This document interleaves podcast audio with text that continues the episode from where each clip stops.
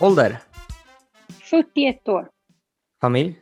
Eh, jag har två barn och en man och eh, ett gäng eh, bonusar på det och en hund. Bor? I Örgryte i Göteborg. Bästa spelaren du har tränat? Mm, det där var en lite svår fråga. Eh, alltså det, några har, riktigt bra spelare har ju varit tränare för själv och sen spelare som jag har haft som jag har varit analytiker och då väljer jag att säga Gustav Svensson och Elin Rubensson när hon var i U23-landslaget. Favoritlag? Ja, det är så tråkigt, men det är ju IFK Göteborg. Jag är född i IFK. Förebild? Mm. Det har jag jättesvårt att bara välja en, men när jag funderar över det här med, med förebild så tycker jag att personer som är ödmjuka inför andras kunskap är förebilder för mig. Naturgräs eller konstgräs? Naturgräs. Kostym eller träningsoverall på match? Ja, som analytiker måste jag nog säga pyjamasen på ändå. Det skulle se konstigt ut om man satt med kostymen på läktaren. Vad gör du på match då? Jag undviker människor. Favoritsyssla utanför fotbollen? Det är att vara i skärgården och uh, familjeliv. Och uh, sen är jag intresserad av företagande. Jag har drivit företag i mitt liv.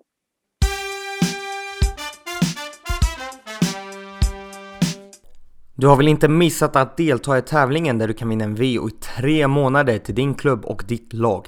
Tillsammans med VO låter vi nu ut en AI-fotbollskamera i tre månader som filmar dina matcher åt dig. Gå in på vio.co fotboll för att vara med. Stort tack till VO som sponsrar podden.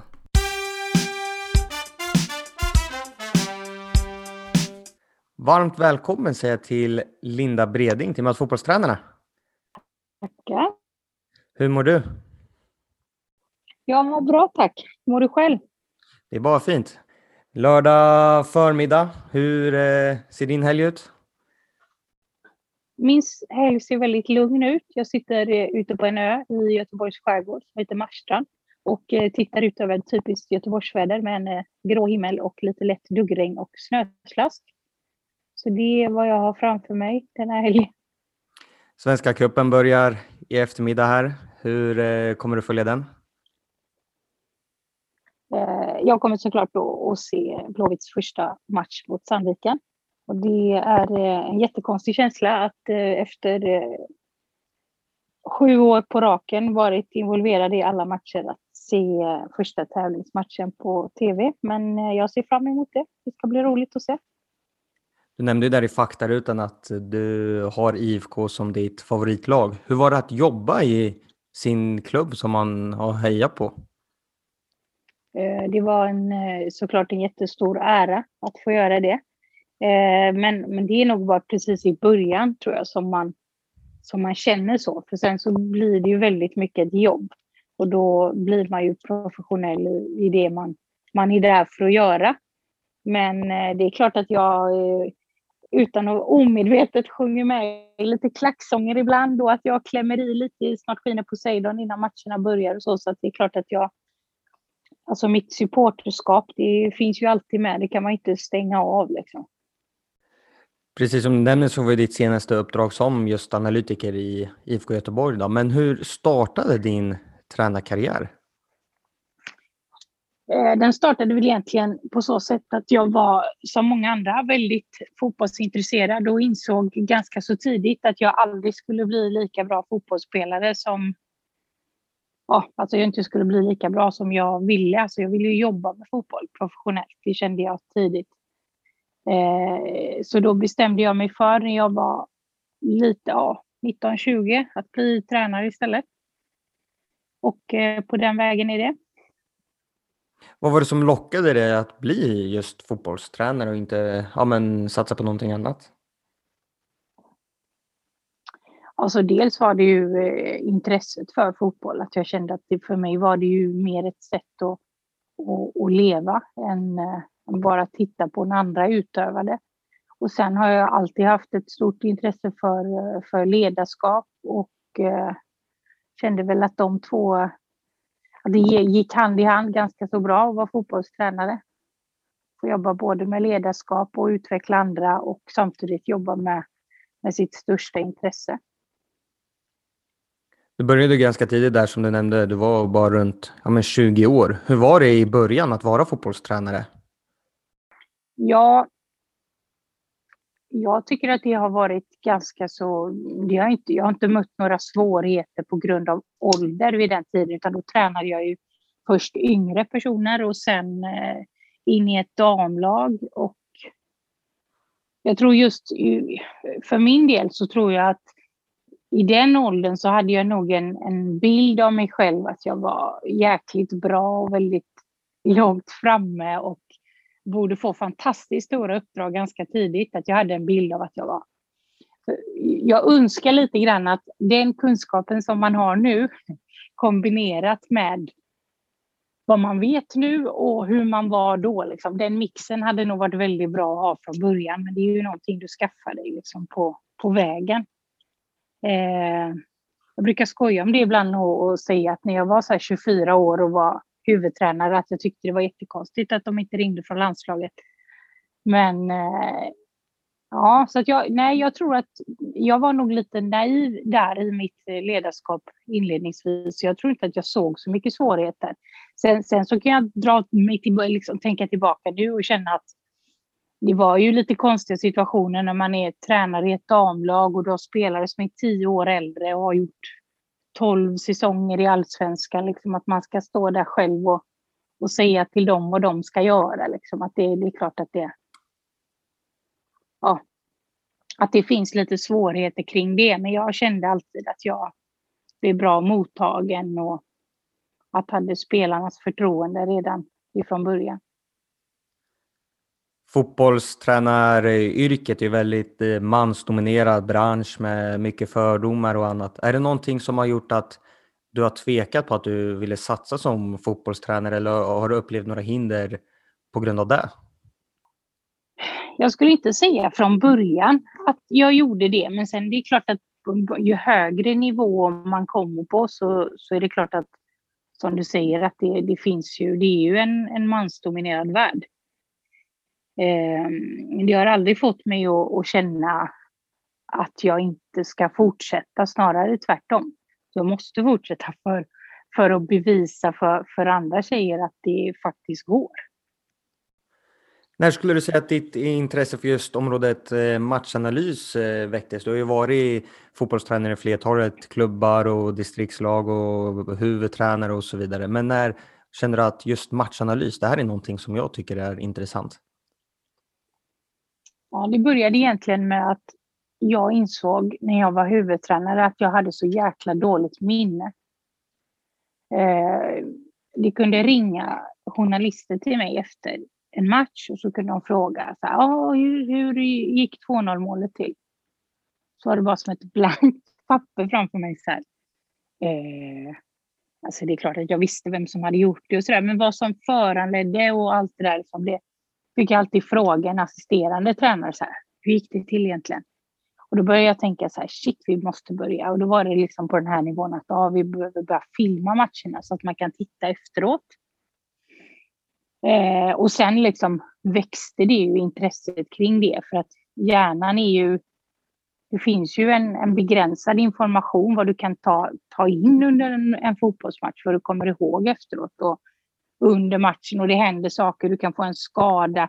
Kanske inte så mycket på den nivån som jag var då, men sen kommer ju det här med att du plötsligt har 12 000 personer som skriker om det blir något är fel. Eller, alltså det är så mycket som händer på en fotbollsmatch. Och sen så just att, att hjärnan är ju på det sättet att om du har en bild av någonting, om du har en bild av att din högerback slår bort mycket passningar i uppspelsfasen så kommer den alltid att göra det. Att du liksom letar efter det. Medan då video blir ju fakta, det här har faktiskt hänt. Och det är ju helt, det är inte känslostyrt och det är inte styrt av något annat än det som faktiskt har hänt. Så det var, det var så det startade för mig. Det var mitt dåliga minne som gjorde att jag behövde kunna ta reda på facit efter matcherna. Men då var du huvudtränare och vilken klubb var det i? Eh, då var jag i Norvalla IF i Halland. Och eh, på grund av det här då så började ni sedan att filma era matcher, eller? Nej, alltså grejen var så här att jag hade bestämt mig för att lämna. Jag var där, vi, vi vann serien första året då och eh, eh kvalade mot Malbacken och Limhamn Bunkeflo och liksom hade bra, en, en bra första säsong. Vi vann vår serie i sista, vi, vi ledde serien i sista omgången och då vann vi serien. Så vi hade en väldigt fin första säsong och sen redan under andra säsongen så vi hade tappat en del bra spelare som man gör när man inte tar klivet upp för vi missade kvalet då och eh, då började jag lite så här vackla under min andra säsong. Vad är det egentligen jag vill göra? Så det som jag gjorde var ju i den här vetskapen av, liksom, det var att jag, jag slutade och började året efter att, ja, då bestämde jag mig för att det är det här jag vill, vill jobba med då. Vad var ditt första uppdrag då som matchanalytiker? Eh, det allra första var att jag skulle vara med och, och se och lära lite med Uffe Kristiansson på Svenska fotbollsförbundet. Eh, och då eh, var jag med, skulle jag vara med på en samling och då var det två, det var F19-landslaget och Eh, U23 slash lite U20 tror jag det var den samlingen. Vi skulle åka till eh, Gävle och möta USA och av någon anledning så kunde inte Uffe vara med. Så jag blev själv på den samlingen.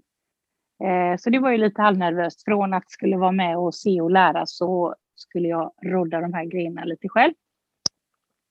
Och jag fick fantastiskt bra hjälp från distans, hur det skulle funka och så vidare.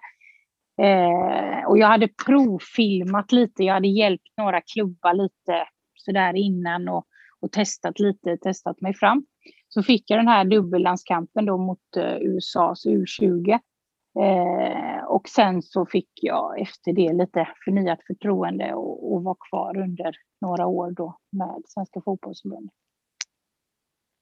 Hur dök den här möjligheten upp då att du skulle från första början ens eh, komma och se och lära med Ulf? Det var jag själv som, eh, som kontaktade och, och bad om lite kontakter som jag hade runt eh, Svenska fotbollsförbundet och att jag var intresserad. Att jag, det fanns liksom ingenstans att vända sig. Det fanns inga kurser i Sverige. Det fanns, fanns ingen i princip som jobbade med de här grejerna förutom Uffe då.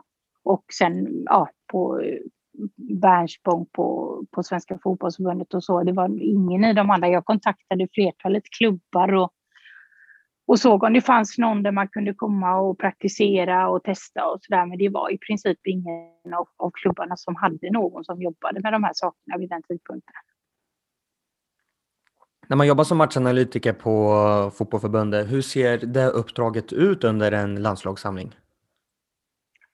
Eh, nu var det ju fem år sedan som jag var iväg senast, så, så det kan ju säkert ha ändrat sig väldigt mycket sedan, dess. Men som det såg ut då så eh, ja, det varierade ju lite. Var du del av ett team under en längre tid så kanske du hade lite uppgifter att, att göra emellan samlingarna och så också där i kontakt med, med eh, respektive förbundskapten och man kanske pratade lite om ja, vad som komma skulle, om det var La Manga till exempel, om man skulle på läger eller om det bara var en, en samling för, för, en, för en landskamp så, så kunde det se lite olika ut. Sen väl på plats så, så är man ju som en, eh, en teknisk eh, assisterande kan man säga. Alltså man ser till att förbundskaptener och tränare och om det finns bevakare med att de får det tekniska underlaget de behöver för att, för att kunna göra sina presentationer och så till, till laget.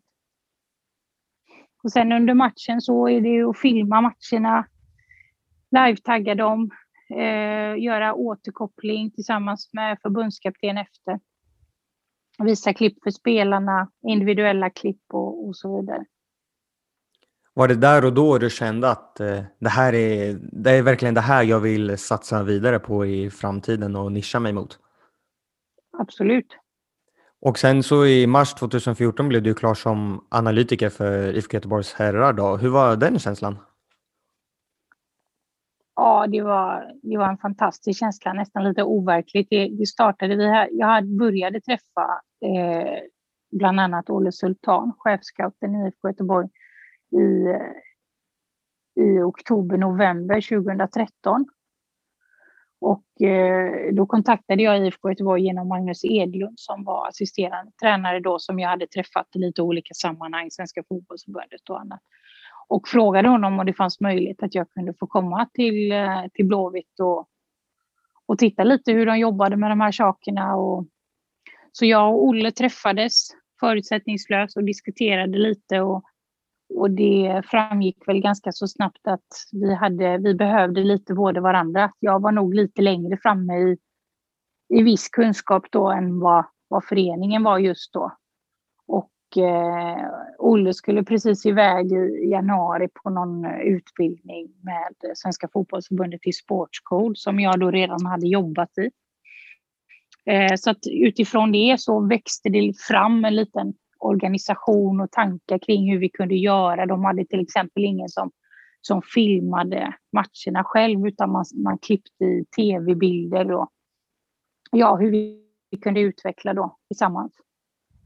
Eh, och sen växte den här rollen fram och vi bestämde oss för i, tillsammans då, jag och Olle och, och klubben eh, där på vårvintern eh, 20 14 att vi skulle börja och filma kuppmatcherna på Ullevi. Och så tog vi det därifrån och sen har ju tjänsten växt och utvecklats såklart. Så det, det fanns ju liksom ingen som hade varit nischad mot de här sakerna i föreningen innan jag kom om man säger. Hur skulle du beskriva din roll och den, hur har den sett ut under dina år i IFK från eh, början där i mars 2014 till ja, 2020. Hur har den utvecklats? Eh, ja, alltså den har ju utvecklats och förändrats och förändrats igen beroende på vad, vad det har varit för huvudtränare. Till exempel, jag har ju gått igenom ja, vad räknade jag till häromdagen? Fyra eller fem sportchefer och lika många tränare. Och eh, det är klart att det, det har ändrats under resans gång. Och det startade ju med att det här att filma matcherna själv, att kunna eh, livekoda matcherna så att det var färdigtaggat redan efter match. Då man kunde titta direkt på klipp efter där och det är klart att det var extremt tacksamt att komma in i föreningen i den, eh, vid den tidpunkten när man gick ifrån noll till inget. Så att allting blev ju så att säga en, en förbättring för, för Blåvitt att kunna jobba med, med, eh, med det på det här viset. Eh, och sen, eh, ja, från det till att kunna filma träningar, titta på det.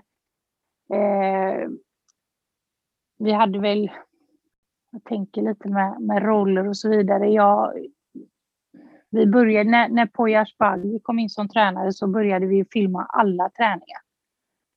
Och för, för de lagen då som, som tränar på sin matcharena har ju haft den möjligheten med tanke med Spideo då Eh, hela tiden. Men eftersom vi inte tränar på Gamla Ullevi och vi inte haft riktigt haft möjligheten så, så krävdes ju det en, en fysisk person som filmade.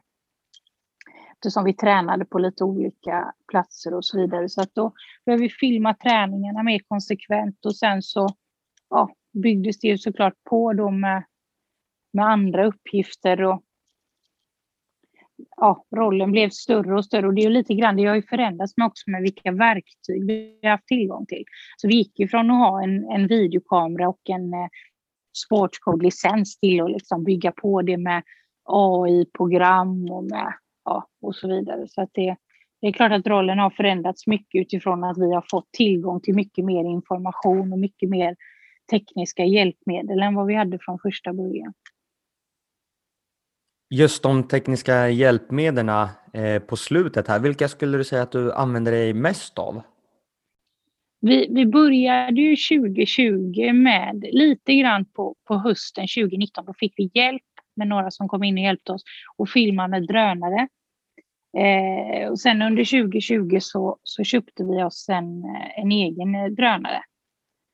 Och den kände jag var ett stort lyft för oss i, i sättet vi kunde jobba jämfört med att filma med en videokamera från, eh, från sidan. Att kunna komma upp och få den taktiska vinkeln.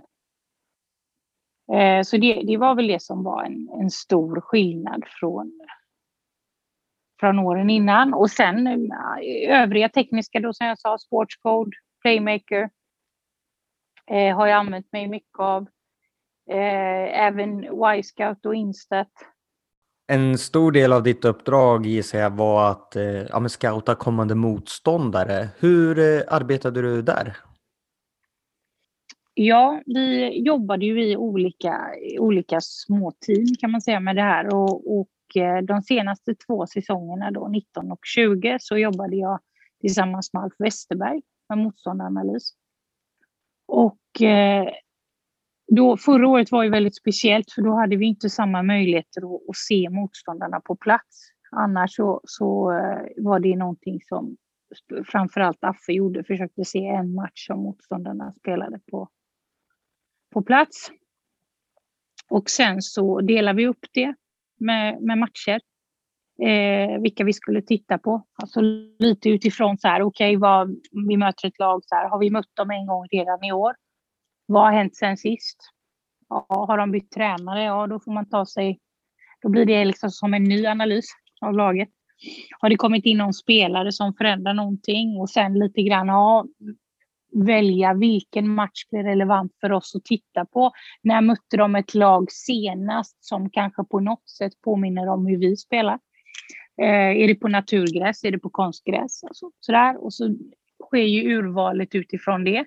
Sen så behöver man ju nästan alltså, alltid titta på den senaste matchen. Den är ju ganska relevant oavsett alla de här olika parametrarna som jag gick igenom innan. Då. Eh, och sen så tittade vi då på de här matcherna, Affe och jag. Oftast tittade vi inte på samma match.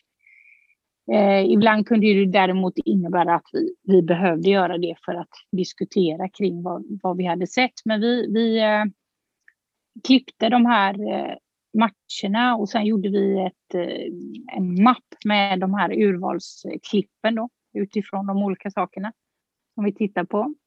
Och sen utifrån den då så tratta ner de här klippen till någonting som var ja, vi säger att vi kanske hade 30-40 klipp från början som vi tittade på och sen trattade ner dem för att visa för, för övriga tränare och sen då blev det ju tratten en gång till då till vad som skulle visas för spelarna. Hur många matcher skulle du uppskatta att eh, du såg enskilt? Hur många såg eh, Alf enskilt och sen hur många såg ni ja, men tillsammans? Hur många matcher bearbetade ni? Ja, alltså det som jag sa till innan, det är utifrån liksom vad, vad vi kunde, inte hur många, alltså tre till fem matcher kanske, någonstans där. Alltså inte gå för långt tillbaka i tiden, men däremot så kan det vara så här att har inget av det jag sa innan de har inte bytt tränare, de har inte fått in någon spelare som kanske förändrar något mönster så, ja då kanske man går tillbaka och tittar på när vi mötte dem senast, hur såg det ut då? Och vad gjorde vi då? Vad funkade bra då? Vad funkade inte så bra då? Och sen eh, två, tre matcher till där på det kanske. Sen är det ju så här att förra året var ju ett litet undantagsår med tanke på hur sommaren såg ut, där vi i princip spelade matcher, ja, tre matcher var åttonde dag. Och då finns det ju också en begränsning i tid vad du klarar av och vad du hinner se däremellan. Men, eh, men där någonstans skulle jag säga att vi låg. När du tittar på en match så ska jag identifiera ett lags eh, arbetssätt och spelidé. Har du någon, något speciellt eh, arbetssätt som du har för att identifiera det lättare? Ja, eh, jag brukar gilla att, att, titta först helt förutsättningslöst. Bara titta på och se liksom vad, vad är det jag ser. Och sen utefter det sen försöka hitta mönster. Eh, och sen har vi, vi jobbat med några saker som har vi haft samma, att vi, på det offensiva spelet, att vi börjar alltid från igångsättningar, speluppbyggnad från planens olika delar, genombrottsspelet, hur de tar sig till assistyta och så vidare och så vidare. Och sen motsatt då på, på det defensiva. Hur ser de ut i det höga pressläget till exempel? Hur ser de ut vid sitt medelblock? Hur ser de ut när de försvarar sig lågt och så vidare? Vad har de för trigger för press? Alltså det blir ju samma hela tiden. Och sen är det klart att ja, finns det en special player i laget, är det någon liksom som sticker ut, som bryter mönstret, som kan göra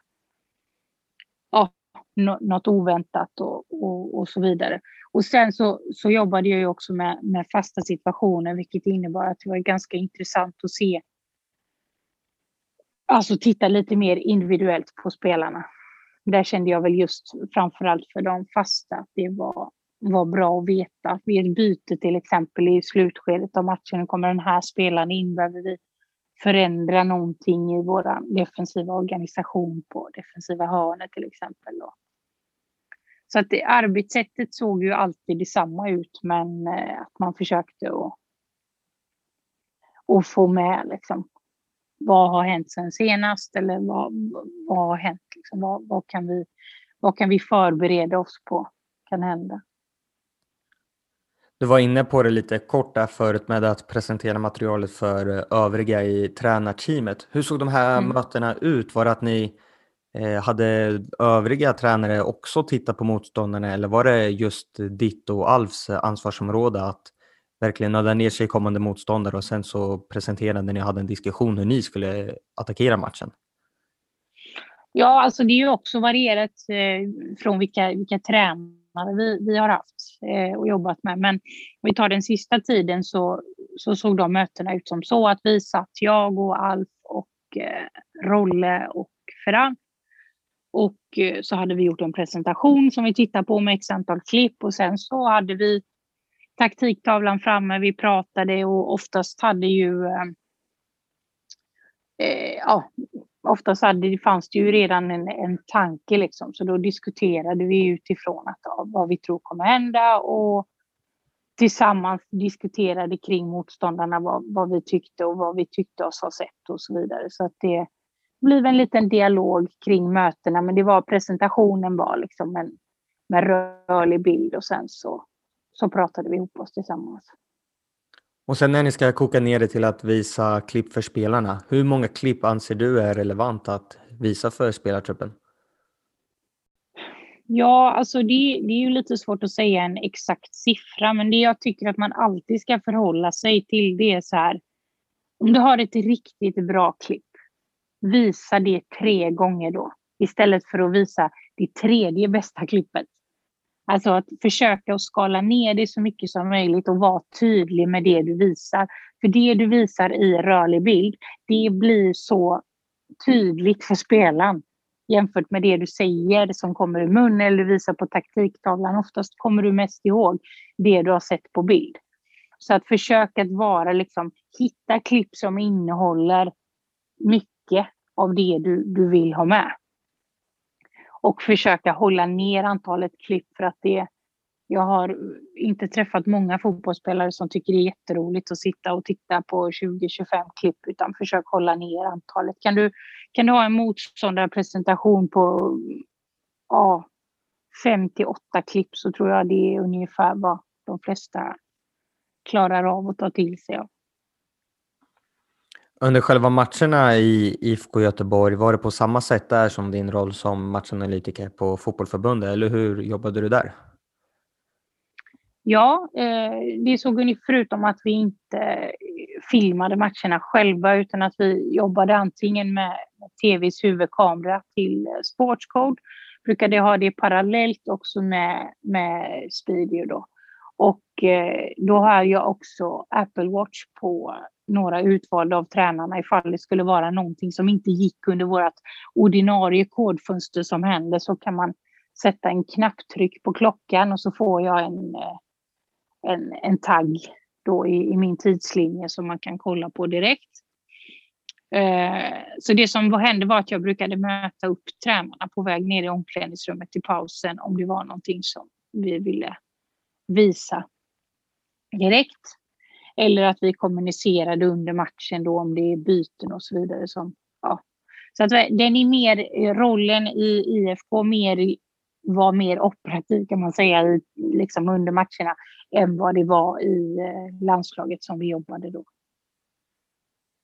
Så ni jobbar med klipp under matcherna för eh, både tränarna och spelarna i halvtid eller någon som ska hoppa in eller för tränarna att eh, kolla extra noga på någon speciell situation? Ja, ja det gjorde vi. Eh, däremot så, så har vi det här med att visa klipp i paus. Försökt att inte dra upp på storbilds-tv och liksom visa alla utan snarare vara mer individuella eller för en liten grupp och visa på iPaden och så. Lite av samma orsak som jag sa förut att det du ser. Alltså i paus kanske du, du har så begränsad tid och om du visar ett klipp men du har fem andra saker att säga men vi har ett klipp på en grej, då är det det spelarna kommer ihåg när de går ut sen. Så att verkligen att det man visar är liksom, ja, man, om det gäller två, tre spelare, ta dem åt sidan, visa på iPaden. Och så kan man prata sen liksom med de kollektiva sakerna till alla då. Så att på så sätt jobbade vi med, med. Eh, Sen kunde det vara någonting som bara tränarna behövde se liksom för att bilden för dem skulle klarna varför någonting blev på ett visst sätt och att det gick att se enklare på, på, på film än på, från sidlinjen. Analys av den egna matchen och eh, prestationen då, hur arbetade ni där? Mm. Det, det har också skilt sig åt lite utifrån eh, vem som har varit tränare. Eh, jag har jobbat alltifrån där, där jag har plockat ifrån de klippen som jag har gjort under matchen och satt ihop någonting själv till att jag har haft tränare som har bara gett mig tid. De här tiderna, det här vill jag visa. Till att jag har jobbat med tränare där vi har suttit tillsammans och gjort återkopplingarna efter matchen. Och oftast är ju det en det är tidsaspekten som förra året då så blev ju lite återkopplingarna lidande av den korta tiden vi hade mellan. Det kunde ju vara så här att dagen efter match var vi redan inne på det som skulle vara matchförberedande inför nästa match. Och då får man lite se så här, vad är viktigast i detta läget? Och då kanske det är viktigare att koncentrera sig på det du har framför dig än det du har bakom dig. Men så det har som sagt varierat lite utifrån uh, vilken tränare. Inom analysområdet har ju statistik fått en allt större plats. Är det någonting som du tittar på och tycker är intressant och vad i så fall är det du tittar på? Statistik, det kan ju lite säga allt och ingenting. Jag, jag tittar på, jag, jag har varit eh,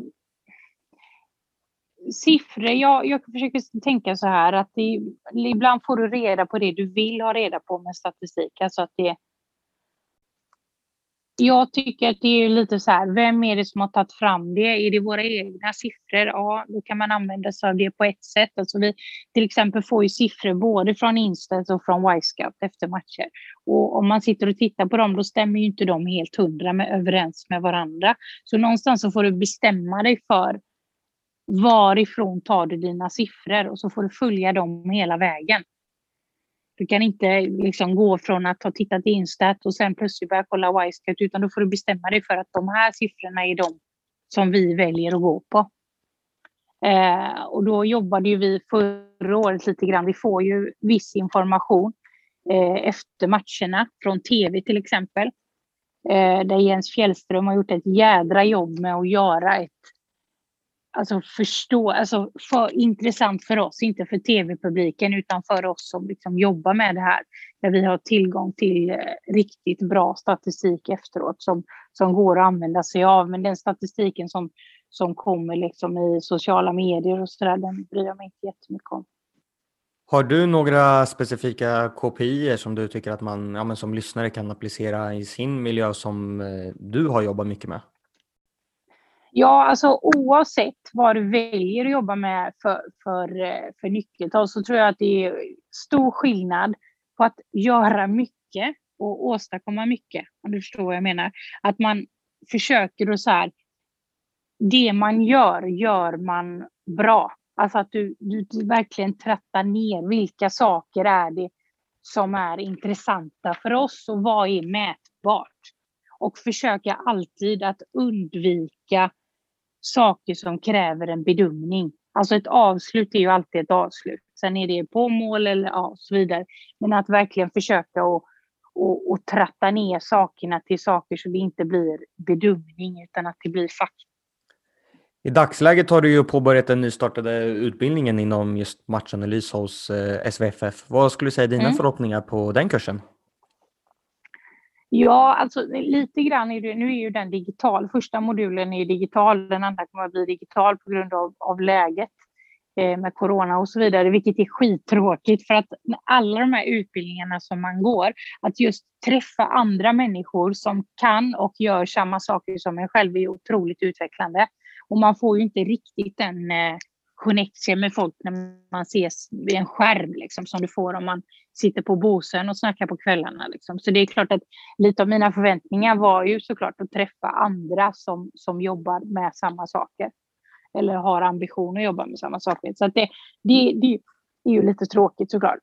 Men eh, annars är det skitintressant att liksom bara lyssna på alla som ja, alla olika sätt och alla, det, det, har ju blivit, alltså det är från att vi var typ ett par stycken i Sverige som jobbade med det här till att det liksom är en naturlig del i tränarutbildningar och att alltså väldigt många unga, jag säger killar för jag har än så länge inte träffat någon, någon ung tjej som jobbar med de här grejerna.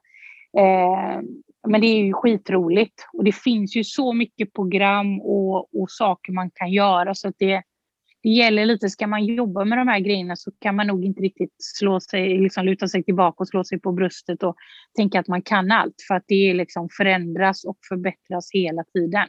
Och det är ju det man vill lite få ut av den här kursen också. Att liksom man, vad, har, vad finns det, vad kommer internationellt, liksom, vad kan man förvänta sig och vad behöver man kunna och känna till liksom, för att hålla sig uppdaterad.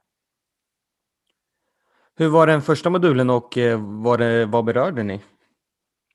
Eh, den första modulen eh, var vi inne, som du var inne på innan, och nosade lite på lite KPI. Vi var inne, vi hade jättebra gästföreläsare. Vi, Jan Andersson pratade, Bernspång pratade, Mats Elvendal pratade. Alltså det var väldigt intressanta föreläsare liksom, utifrån deras roller. Vi har pratat lite hur det är att jobba i team och eh, vad man lite kan förvänta sig utifrån den, den rollen som, som man har som analytiker. Då.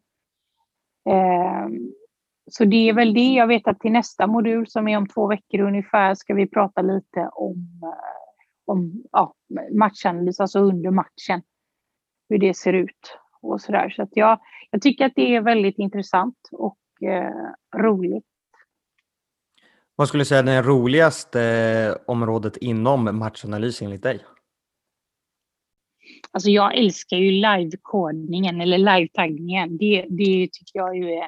Jag taggar ju matcher i huvudet när jag ser matcher och det, jag har fortfarande alltså den här tydligheten hos olika tränare som man har jobbat med. Jag kan till exempel fortfarande se en fotbollsmatch och tänka så här, och det här hade Jörgen Lennartsson återkopplat imorgon. Alltså, det sitter ju typ som små små kodfönster in i huvudet liksom. Och det tycker jag är fantastiskt roligt. Tror du rollen som matchanalytiker kommer att växa ännu mer i svensk fotboll och bli en självklar del i tränarteam, precis som att man har en målvaktstränare, man har en fystränare och så vidare? Ja, det tror jag absolut. Men jag tror också att det kommer ställa helt andra krav på att man som tränare, för att du får ju nästan vara på den absoluta toppnivån i Sverige för att ha råd att ha en så nischad roll. Så att jag tror att det som det kommer bli nu under ett tag och kanske superettan, damallsvenskan och så vidare, att man behöver ha tränare som har kunskapen om de här grejerna. Det går inte längre att luta sig bakom och säga att man inte är bra på datorer för att det är en så stor del idag i att vara fotbollstränare så att du, du måste vara bra på datorer. Alltså du, du måste ha den, den kunskapen och olika program och hur du tar fram saker och det, det, allting handlar ju om en tidsaspekt också. Det får inte ta för lång tid att göra saker. Eh, så att jag tror, ja, jag tror rollen kommer, kommer att växa sig större och starkare på yttersta elitnivå. Och på semi-elitnivå och så vidare så tror jag att man behöver vara öppen och ha den här kunskapen om man ska ta sig fram och få bra uppdrag. Liksom. Vad har du för tips till tränare som eh, vill analysera sig själv och sina motståndare på en ny nivå? Jag tror att man ska försöka lite som jag var inne på innan, det här med, med vad man gör. Att jag inte göra för mycket, utan att göra det du gör bra. Bestämma dig för liksom, att det, det här, till exempel med en återkoppling till laget, att det liksom är en röd tråd i det du gör, att du håller dig till en liten, att du börjar i en liten box liksom, och så gör du det hela tiden istället för att säga så här, ja vi ska, om du är på ungdomsnivå till exempel, ja men vi ska ha återkoppling efter varje match. Ja, fast då kanske det dör ut, utan ja, då fick ni inte det materialet för där filmar inte motståndarna och då tappar vi det. Utan bestämma sig för att ja, i år ska vi återkoppla en match i månaden och då gör man det bra. Och då gör man det utifrån vad man har pratat om, alltså vad, vad laget har för, för spelsätt och så vidare. Att man liksom börjar i liten skala och gör det över tid. Hellre än att liksom gå för stort från början.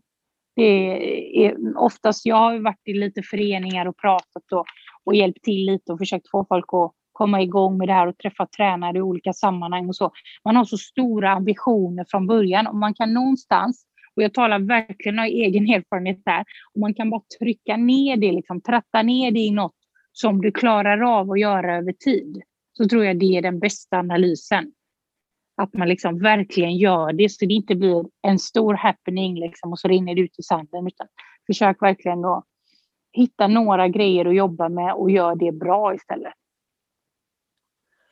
Vilken är den största utmaningen i rollen som eh, matchanalytiker?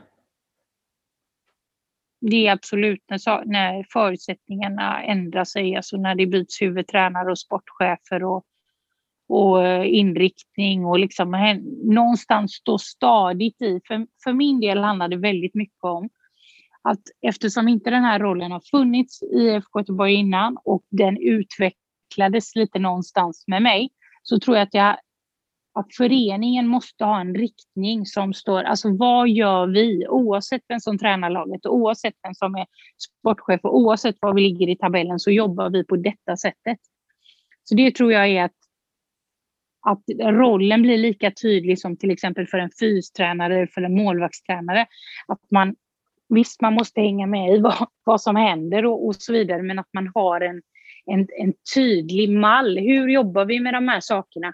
Så att det inte blir så som jag sa innan, att först får spelarna jättemycket och sen så rinner det ut i sanden och blir ingenting. Liksom att man, så det, rollen är ju i alla fall som det har varit för mig, som var en väldigt ny roll, så gäller, det finns inte så många att fråga och så, så att jag tror att det blir liksom den stora utmaningen att göra samma sak oavsett. Och jag tror att är du på ungdomsnivå eller på kanske ja, på annan nivå där inte resultaten är det, det viktiga hela tiden så kanske det blir lättare att över tid jobba på samma spår.